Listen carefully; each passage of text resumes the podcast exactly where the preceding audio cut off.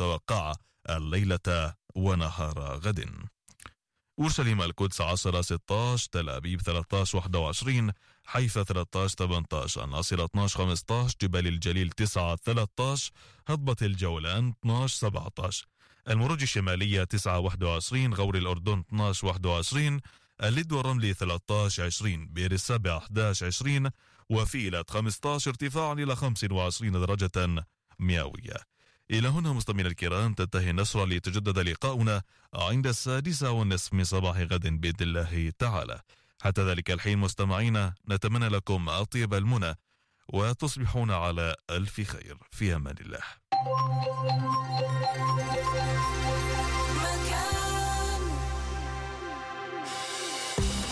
99.3 92.3 93.7 و88.8 FM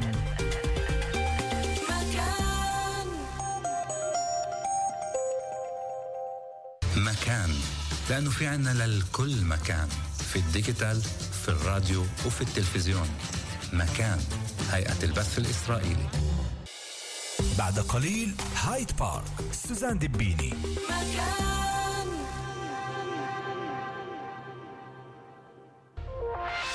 بإمكانكم متابعة البرنامج أيضا عبر مكان digital. في صفحة مكان على الفيسبوك والإنستغرام وموقع مكان نقطة org نقطة IL.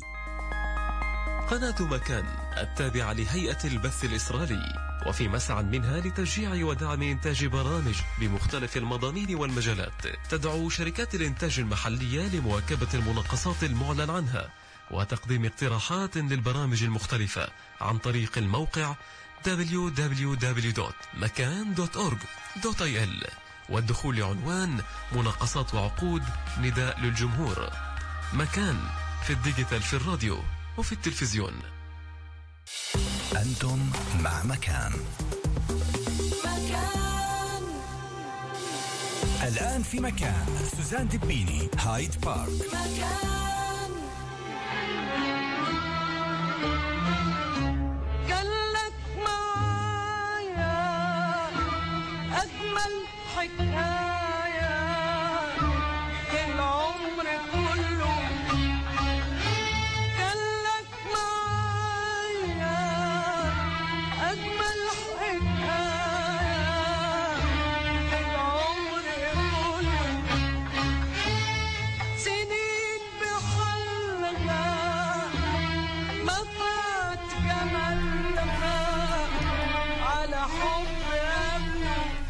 مرام خوري أهلا وسهلا فيكي. أهلا فيكم بدي تسمعي كلمات هالأغنية. بدي أسألك عليها سؤال. في العمر كله.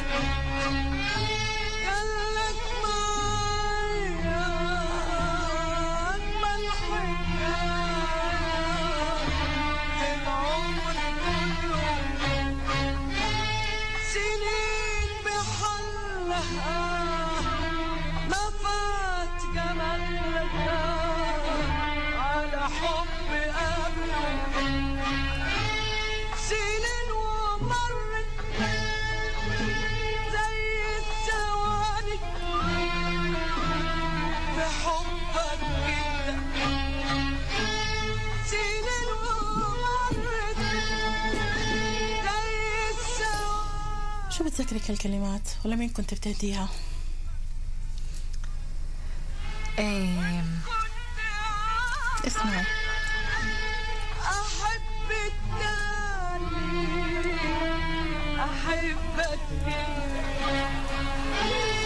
سنين لمين بتهديها الكلمات؟ أكيد لشخص بحبه. لا. أو إنه أنا حاسة بالكلمات في إشي محزن. يعني لا لا لا لا لا لا, حزنانة. لا, لا بالعكس بالعكس بالعكس. أنا حطيت هالمقطع من الأغنية لأنه إذا كان بدل سوري على حب كبير فهو بدل على هذا الحب. هذا الحب الكبير الكبير هو لشكري نجار اللي بعايدك بعيد ميلادك اللي هو الليل الساعة 12 مزبوط. مزبوط. فكل سنة وأنت بألف خير حبيبة قلبي. وأنت وخطيبك بخير طبعا معنا بالإنتاج ووالدك ووالدتك. وبس لشكري. بس لشكري كل الشكر لشكري على الآخر. آه قبل 120 تسلمي لي شكرا. طيب إحنا راح نرجع. إحنا رح نرجع لموضوعنا. موضوعنا طبعا يختلف كليا ولكن بتمنى دائما إنه كل الحب والسعاده يرافقوا الكل وهالبسمة الحلوة اللي على وجهك هيك مثل القمر تضل على طول. يا رب يا حبيبي. حبيبتي تسلمي لي. إيه، أول إشي هاتي في عنا عدة نقاط بدنا عنا كمان اتصالات بس بدنا نحاول هيك نمرق شوي على النقاط اللي, اللي سجلناها. أول شيء بدي أقرأ شيء إيه، من المزمور. يا رب لماذا تقف بعيدا؟ لماذا تختفي في أزمنة الضيق؟ على إيش بدل؟ هالآية شو بتدل؟ إيه هاي الآية بتدل على إنه حتى الأنبياء بحق لهن يعبروا رغم إيمانهن عن إنهن غضبانين. إنه بحسوا إيه بالمحل اللي وثقوا فيه بالله إيه تركهن بمحلات معينة. هو بتركناش يعني حسب إذا بدنا نكمل الآيات وإنه بنرجع له برجع لنا وبنحس بالآخر بالفرح والتفاؤل. بس الآية بتدل هيك انه نفكر فيها لأنه إيه الإنسان نقدر نقول إنه بحق له يغضب. بحق له يقول كلمة غير إنه نشكر الله. أوكي نشكر الله على كل إشي أعطانا إياته على كل النعم. بس لما إحنا بنمرق بمرض إحنا في عنا مراحل الحداد حسب النظريات. اللي مفضل إنه نمرقها عشان نقدر نصل بالآخر شو لمرحلة هي مراحل الحداد؟ ولما نقول مراحل الحداد هل فينا نقول مراحل الحداد لإنسان عايش؟ لإنسان مريض ولا مراحل الحداد لأهل المريض اللي بيفتكروا أو بينتظروا اللحظة اللي ممكن إنه يفرقهم فيها؟ للتوضيح إنه الحداد هو ممكن يكون على أي إشي. ممكن يحوي إنه فقدان الشغل تبعنا ممكن يكون حكي عن الطلاق ممكن جدا يكون بس مرض. المريض. مم، مريض ومن أو مش حقه مريض. ومش من حقنا ننكر عليه حقه إنه يغضب وإنه يزعل وإنه ينزعج وإنه يحس بكل ال- المشاعر المتضاربة داخله. إنه ليش أنا يعني؟ ليش أنا بين كل العالم؟ مع إنه للأسف الشديد نص العالم اليوم مريضة بالسرطان ولكن إنه ليش أنا؟ هذا الغضب شيء مشروع والحزن والزعل وال- والأعصاب هذا كله شيء مشروع لكل إنسان. فمش من حقنا إنه نقول له هذا قدر وهذا بدك تصبر وبدك حقه إنه يعبر عن حزنه ويعبر عن عن غضبه ويعبر عن القلق اللي هو فيه. مراحل الحداد اللي حكيت عليها مرام شو هي المراحل هاي؟ عنا خمس مراحل وممكن تمرق بالترتيب وفي نظريات اللي هي متجددة بتقول مش ضروري بالترتيب.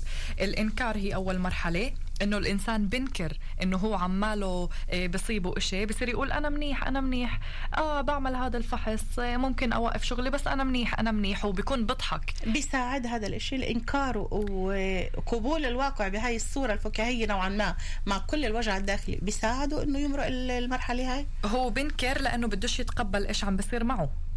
آه هو آه شعور طبيعي. شعور طبيعي وممكن كتير إنه الإنسان يحسه. إسا بعد الإنكار بتيجي مرحلة الغضب.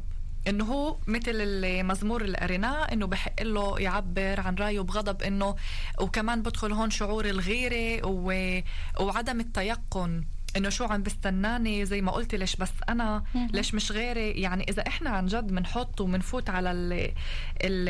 الحذاء كيف بيقولوا اللي هيك ناس للنعلايم بنفوت على الحذاء تبع المريض بنحس على الآخر إنه إذا هيك جسمي أنا بده يصيبه عن جد نوعا ما بحق لي إني أغضب. أوكي. هي فترة ممكن تكون قصيرة وتكمل لإشي فإذن تاني. الإنكار والغضب ومن بعدها بتيجي المساومة المساومة على شو؟ المساومة هي زي اللي بقول إنه أنا مستعد أعمل كل إشي بس أعطيني أكتر سنوات إني أعيش. لما طبعا إحنا بنحكي عن فترة قصيرة للعيش بتقل هاي المرحلة يعني ال- المسافة هاي بتقل تبعت المساومة بتصير أصغر. إنه الإنسان هناك بين الخيال والواقع بصير يقول آه، إنه عن جد أنا بدي ألحق أعمل كل شيء. عن جد أنا بتذكر إنه في عندي أمنيات اللي لازم أنا أعملها وبس بعدني مش عاملها. هي لا بالغضب ولا بالتقبل. مهم. والكآبة؟ لما الإنسان بفوت بكآبة هو بحس إنه ما فيش طعم للحياة. وبرجع بقول إنه المراحل مش ضروري وهي المرحلة ال- الخطره اللي ممكن تكون. ممكن تكون هاي اولى المراحل. ممكن. ممكن إنه الانسان يعرف يدخل في بحزن وبكآبه وبغضب وبعدين بس وبعدين على حاله و- بغضب. الإنسان إحنا بدنا نوضح إنه هو بغضب لأنه ال- الغضب هو شعور مرافق لمشاعر أخرى. ممكن يرافق الكآبة. نعم. أنت ذكرتي موضوع إغلاق ال- الدوائر. مم. يعني اليوم أي حدا مريض بالسرطان أو راح على العلاج أو هيك بيرجع بأفكاره لورا بقول أنا كنت كان نفسي أعمل واحد اثنين ثلاثة كان نفسي أزور هذا المحل كان نفسي أسافر كان نفسي أغني كان نفسي أي شيء أعمل بحياته. هاي إغلاق الدوائر أنتوا اليوم أو انت بالتحديد كمرافقة روحية كيف بتساعد الإنسان إنه يعرف شو اللي كان حابب يعمله من قبل ترجع معه باكتشاف داخلي لداخله لأمانيه القديمة لحتى يقدر يحققها. خليني أضيف إنه إغلاق الدوائر كمان آه، خاصة بالموضوع الديني إنه هو بندم على شغلات عملها من قبل وبحب إنها لو انها كانت غير. زي مثلا إنه كان ياخذ حشيشة فبصير يفكر إنه معناته الله بيعاقبني بالمرض. مثلا وحدة من هاي الشغلات إحنا بنشتغل معه إنه الله مش بالضبط إنه بعاقب. هذا اختبار اللي أنت عم تمرق فيه. يعني شوفي الكلمة المتفائلة بين بين اختبار وبين عقاب. إحنا بنوضح له إنه لا هو اختبار رح تمرق فيه إنه الموت هو كاس كلياتنا رح نشرب منه. صحيح. إيه بالنسبة ل إيه تحقيق الأمال. تحقيق الأمال إنه إيه في زي ما ذكرت إنه في كتير ناس زي ما انت بتقولي انه كيف الإنسان بيساعد غيره وهو مش عارف يساعد حاله. صح. كتير أنا هيك بالذاكرة تبعتي بمعرفتي لهاي الناس هن مرقوا مرض بحياتهن. وقسم منهن حاولوا يتغلبوا عليه قسم منهن بدموع عيونهن يعني. ولحديت هذا اليوم بعدهن عم بحاولوا يتكيفوا مع المرض. فهن كان طموحهن بالحياة يعني لو لما صابهن المرض تعال نقول هن ما رحوش يدعموا ناس تانية غيرهن. فهي وحدة من الشغلات. إذا حكينا عن هذا الدعم كيف يدعم وغيرها؟ بدنا نحكي شوي عن مجموعات الدعم. مين أفضل إنه المرافقة بالمجموعات ولا المرافقة الفردية الخاصة لكل شخص؟ أنا لحد الآن بتبع المرافقة الفردية. بآمن كتير إنه إحنا نحط المجهر على حياته وعلى التاريخ تبع الإنسان. بتلاقي دايما منه قبول بتلاقي دايما منه تجاوب. حسب حسب قديش إحنا إيه، المعرفة عنا. يعني أنا اللي بلاحظه بالوسط العربي إنه حتى بمجال شغلي بالوالدية إنه أنا بدي أضرب ابني وأصيح عليه لأني أنا هيك أهلي ربوني وأنا إسا شوفي كيف طلعت زلمي يعني دايما في عندهن الحاجز اللي بحطوا لك إياه لا أنت مش رح تفوتي على الخط إيه، اللي بنوه حتى لو إنه غلط من قبل. طيب بدنا ناخذ اتصال وبنرجع نكمل باقي النقاط اللي معنا هلأ الساعة 10 و47 دقيقة ونص. هلأ صارت نص بالضبط. إحنا طبعا معاكم من استديوهاتنا بحيفا راديو مكان وبرنامج هايت بارك. مساء الخير مين معنا؟ ألو؟ مساء الخير. النور مرحبا. أهلا وسهلا. إيه بحكي معك أحمد. أنا بدي أستشيرك استشارة. تستشير استشارة؟ تفضل.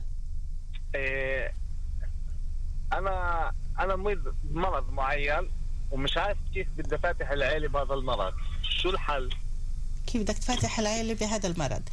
هلا إحنا في عنا هنا آه كمان سؤال رح نتطرق لهذا السؤال وكمان لسؤالك. يا أحمد ابقى معنا وتابعنا لأنه السؤال هذاك كمان تقريبا مثل مثل سؤالك.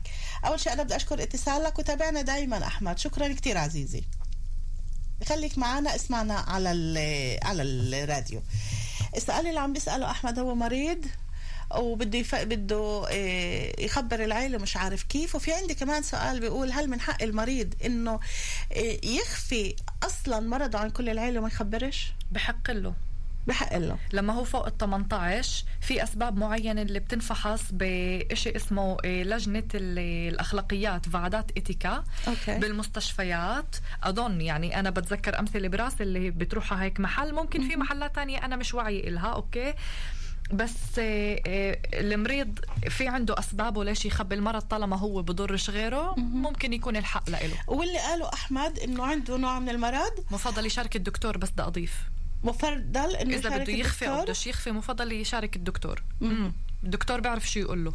والدكتور أكيد هو قايل له إيش المرض بس هو عم بيسأل إنه شو يقول له إذا هو بده حدا يشاركه. بأي أسلوب هو عم بيسأل إنه كيف بده يقول لأهله إنه هو مريض. هو ما ذكرش إيش إيش المرض اللي عنده بس إنه كيف بده يقول لأهله إنه هو مريض. أنت شو رأيك؟ يعني إنه بالنسبة ل إيه، أنا ما فهمتش إيش نوع المرض. يعني أنا بالنسبة لإلي أنا بالنسبة لإلي مثلا إذا إحنا يعني ك... ككيف أنا وجهة نظري عن مرض السرطان في كتير ناس بتخاف إنه تقول عن مرض السرطان. أنا كمرام بقول إنه بنحكي عن هذا المرض. مش غلط إنه نحكي عنه. بس كيف يقولها لأهله؟ كيف يخبرهن حسب نوع المرض هو عم بحكي اللي أنا عن جد يعني مش فهمته. في هون عندي علامة سؤال إنه هل في خطورة؟ هل هو نوع من أنواع خلينا المرض؟ خلينا ناخذ النوعين. يكون في خطورة على حياته بأي أسلوب يخبرهن يخبر أهله. إيه، أضيف إشي من تجربتي أوكي؟ يلا. إيه بتاع نقول مثلا مرض السرطان. واللي فيه إيه في صعوبة كتير إنه عشان عليه نقطة سوداء كيف إحنا نحكي للي حوالينا؟ مثلا تعال نقول بلاش للأهل حتى للجيران. والجيران ممكن كتير يعرفوا يعني لأنه بشوفوا إشياء خارجية على الجسم. طيب في نقطة مهمة جدا. إذا إحنا تقبلنا بحد ذاتنا الإشي اللي عم بصير معنا إحنا بنفرض على اللي قبالنا يتقبلوا. السؤال هل أنا عن جد بتقبل الإشي اللي عم بصير معي؟ يعني كل ملامحي بتدل. إذا أنا عمالني مثلا بحكي أو مثلا مريض سرطان عم بحكي لأولاده اللي هن أطفال عمر 10 عمر 12 بجيل المراهقة اللي هو جيل صعب. أوكي. بس ببلشوا يعيطوا بنفس الوقت. تعال نقول إنه الدموع هو إشي يعني من الإنسانية وحقنا. بس مثلا آه، ببلشوا يحكوا بطريقة هيك الأولاد وخاصة إنه الأطفال بحسوا إنه آه، ماله أبوي. آه، أمي خايفين كتير يعني إنه في إشي إنه عن جد في إشي هنا اللي هو بيهدد ال- الحياة تبعي كمان شو أنا رأيك إنه يستشير كمان يستشير أخصائي يستشير إنسان اللي ممكن يستشير الطبيب ممكن الطبيب- بالمستشفى كمان الطبيب يكون في. أشخاص اللي يقدروا يرشدوه. للطريقة المعينة حسب نوع المرض مثل ما قال أحمد ما ذكر شو مرضه ولكن حسب نوع المرض اللي عنده اللي بيقدر آه، يستشير الدكتور تبعه يسأله قول له مع مين لازم أحكي بدي أعرف كيف بدي أخبر أهلي أنا بهذا الموضوع. بحب أضيف إنه إذا في شغلات بتظهر على الإنسان من ناحية خارجية وإحنا بنضلنا نخبي إيه، ومنعيش مع حالنا بمحل اللي فيه زي بنخفي على غيرنا أو بنكذب على غيرنا. هو رح يكون من ناحية نفسية محل جدا مؤذي لإلنا كمريض اللي حابب يطيب. إيه، لازم نقبل الواقع ونعترف فيه. مش هوين. يعني حتى مثلا أنا مع حالي في شغلات تعال نقول أنا بتقبل مر- مرض السرطان بس في شغلات تانية إنه صعب علي أتقبلها. هل عن جد أنا بقدر أتقبل كل شيء؟ بدنا نفحص هذا مع بالضبط. حالنا مفضل نروح كتير على الاستشارة النفسية على مثلا psychologist كتير منيح نروح لأنه رح يقدر يساعدنا. okay.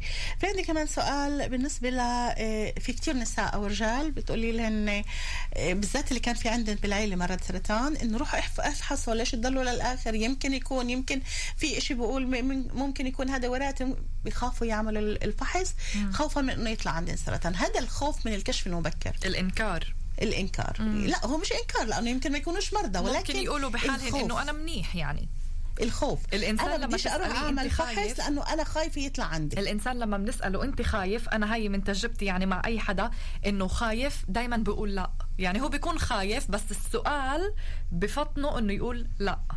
فممكن يكون كتير مربوط بالإنكار إنه لا أنا رح أكون منيح يعني ما فيش حاجة إني أعمل فحوصات. طيب شو هي أنواع العلاج في ال- المرافقة إيه أنا بمجالي بلجأ لكتير البطاقات العلاجية بلجأ للموسيقى الجلوس بالطبيعة. أنا كتير بآمن بالطبيعة إنه يعني إيه، ربنا خلق كل إشي بالحياة كتوازن. يعني كيف الأكل اللي إحنا ناكله ويستفيد منه الجسم? إيه، المرض هو نوعا ما بخل بهذا التوازن بس بنعرف كيف نرجعه عن طريق الأدوية وأشياء تانية. إيه، بس الطبيعة هي محل لشفاء النفس. يعني, يعني أنت الآمن- بترافق المريض على الطبيعة؟ مرات أنا بعمل جلسات يعني هيك بالطبيعة. بالمستشفى بيكون في محل هيك حلو. أنا بشوف إنه مناسب مثلا فليش لأ؟ أو بمجال شغل الثاني إنه بطلب من المرشدة للفعاليات إنه تأخذ الأولاد رحلة برحلة للطبيعة لأنه هو محل اللي كتير فيه كمان التواصل بين العيلة بيكون غير. أنت ذكرت الأولاد وهون بتأخذنا لكمان نقطة يمكن هي الأخيرة بحلقتنا لليوم لأنه باقي معنا شيء خمس دقائق مش أكثر موضوع الأهل اللي عندهم أطفال مرضى سرطان كيف يتعاملوا معهن؟ كيف يحكوهن؟ كيف أصلا هن يتقبلوا هذا الوضع لحتى يقدروا يمرروه لأولادهن؟ إيه، بحب هيك بس أبلش إني أنا بشتغلش مع أطفال مرضى سرطان بس عندي إيه، معلومات معينة. ففي عنا إحنا المرض ممكن يصيب الأطفال بمرحلة الطفولة ممكن يصيبهم بمرحلة المراهقة. دايما بدنا نتذكر إنه إحنا لما عمالنا بنكبر في أشياء بنصير نفقدها من عمر الطفولة اللي هي الإحساس اللي بيكون عند الولد. الولد دايما بحس. يعني إذا بدنا نخبي عنه أو بدنا نحكي بلغة تانية وإحنا واقفين فوق راسه هو رح يفهم إيش عم نحكي إحنا. من نمط الصوت من تون الصوت بفهم أوكي. من لغة الجسد. إذا في في عنده هاي إشي عم الاشياء اللي. بحس فيها إحنا بس نكبر بنضل تاخذنا الأفكار وتجيبنا. الولد بيكون عالمه آه، صفحة بيضة بيقدر يسجل عليها كل إشي أسرع من الكبير. شو يعملوا الأهل بأي أسلوب؟ يتعاملوا مع هذا الولد خلينا نقول أطفال. إحنا عم نحكي لحد جيل 7 8 يعني من أطفال الاطفال لحد جيل 7 8 تمام. كيف مش المراهقة؟ لأنه موضوع لا المراهقة. ساعتها بيكون في توجه آخر. آه، ممكن في لغة في الحديث في إنه آه، كيف آه، بشوف جسدي أنا كيف في موضوع اسمه حفظ ال- المقدرة على الإنجاب اللي هو شمور بوريوت. يعني بمرق عدة مراحل. بمرحلة الطفولة الولد بشوف العالم عن طريق عيون أهله. يعني إذا أهله بدهم يكونوا متضايقين هو ممكن يجي على هاي الحياة ويعرف إنه في إشي اسمه سرطان. فهو بفهمش مرض السرطان زي ما أهله بفهموه. أهله حاطين عليه نقطة سوداء مرق عليهن شغلات بحياتهن سمعوا بالتلفزيون. هو أجا وسمع إنه في عنده هيك إشي. ممكن يتقبله زي ولد عنده سكري أو ولد بيقدر يروح يلعب وتكون حياته طبيعية. بس اللي اللي الطريقة اللي بيشوفوا أهلهن الأهل فيها الأشياء هن بيعكسوها على الولد. فمثلا في أشياء طبعا ممكن تأثر من ناحية طبية إحنا ما بنقدرش نحط كل اللوم على التربية. لأنه آه، في مثلا المناعة اللي بتوطى الدكتور بطلب إنه قديش يكون الولد بالبيت يبعد عن محلات فيها اختلاط يكون فيها أمراض كتير. فكيف بصيروا الأهل يعاملوا الولد؟ بنته الاحتياجات الأساسية. إنه هو مريض معناته إحنا بنقومه بتحمم برجع بنام على تخته باكل هيك بكفي. إيه لازم إحنا نكون كتير بمحل اللي قديش نحسمس له على شعره نقرا له قصة قبل النوم. لازم يقعد مع أخوته بالبيت. يعني نعامل الولد عادي. طبيعية بشكل عادي يتعلم. بدون ما نحسسه إنه في إشي اليوم أنت عم بيأثر على حياته. على الآخر. مم. حلو ممتاز. طيب ناخذ كآخر اتصال معنا نتأمل يكون على السريع لأنه آه وقت برنامجنا انتهى. مساء الخير. مرحبا. مراحب أهلا وسهلا. بدي استشيرك بالنسبة لموضوع المرض اللي أنت كنت اسمعكم في الراديو كنت فبدي أستشيرك. أنا عندي مرض بس راح أقول لك شوف عندي مرض معين شيء كشور للجلد أحمد أنت عم رجعت لنا؟ الجلد لا لا لا لا لا. آه أنا sorry فكرت الاتصال اللي قبل اللي كان. آه okay. لا لا بشوف لما سمعتكم هلا بالراديو كنت بتصل وأستشيركم اتعبت معك. يعني اسمع شو أنت بتقولي. أنا كمان عندي مرض جديد. okay. إيه، صار معي شيء طيب. إيه، أنا زي ما تقول يعني تفاجئت من صار معي زي مرض جنسي معين. مم. بديش مش عارف كيف جلدي؟ بدي بدي مرض بالجلد مرض جلد؟ مش سامعين صوت آه. مرض جلد okay. ومش عارف كيف بدك تخبر أهلك؟ مش مش عارف كيف أنا بدي اتقبل شيء مش عارف كيف بدي أخبر أهلي وأهلي يتقبلوا أنت عم تحكي يعني. عن سرطان الجلد؟ لا لا شيء ثاني. طيب اشي ثاني okay. إحنا باقي معنا بس دقيقتين. إيه، إيه شو كنت بتقولي له. اسمعنا عن طريق الراديو وحياتك. بدي شو كنت. بتقولي له لمستمعنا العزيز؟ بدي أضيف إنه آه، لا دقيقة وحياتك بس. على السريع. اللي بيساعدنا إحنا نتقبل آه، مرض السرطان هو إحنا عن جد التجربة التامة إنه نحسه مش إحنا المسؤولين عنه. ففي بعض الأمور اللي إحنا إذا بدنا نحس حالنا مسؤولين عنها قديش بدنا نحس إنه بالتقبل رح يكون أصعب. بس هناك عن جد عن جد الاستشارة اللي مع مع مختص نفساني ممكن تساعد الإنسان يوصل على محل يتقبل نفسه يعني هو يتقبل الوضع يسأل دكتور شو لازم يعمل مثل ما حكينا للمستمع بده, بده قبل طريق طويل شوية أوكي. يحكيها نعم. مع الدكتور طيب. نفسي مرام خوري إحنا وصلنا لنهاية اللقاء ساعة ونص بتأمل نكون ألقينا الضوء على آه، عدة آه، نقاط للسرطان مرضى السرطان وأهلهن وإذا في نقاط تانية بعد ما بعد في ملان آه. بعد في ملان لكن رح يكون في حلقة تانية إن شاء الله بدي أشكرك ألف شكر باحثة اجتماعية طبعا آه، كل كل ال- بعد في عنا كتير نقاط ما قدرناش نحكي فيها عاملة اجتماعية الوالدية والمرافقة الروحية اللي هي جدا جدا جدا لفتتني وجدا مهمة. بدي أتمنى لك كل الخير. تسلمي لي. بكرة بعيد ميلادك الليلة الساعة 12 آه، بكون كل سنه وانت. سالمه لا ما تنسيش إحنا مش. ناسيين. وشكرا كثير لك لقدومك للبرنامج شكرا لعائلتك. الكريمة لخطيبك لكل الموجودين معك. شكرا كثير وبالنجاح. دائما. لكل مستمعينا الكرام لهون انتهت حلقتنا وانتهى لقائنا معكم عبر أثير راديو مكان. بنرجع بنلاقيكم يوم الأحد الساعة 2 ونص في برنامج تعالوا نحكي بصراحة ويوم الاثنين سهرة حب بنكون معاكم الأربعة. لا مش رح نكون معاكم الأحد والاثنين رح نرافقكم على أمل تكونوا دائما بألف ألف خير. وكل الحب مني دائما سوزان دبيني تصبحوا على خير. bye bye إلى اللقاء.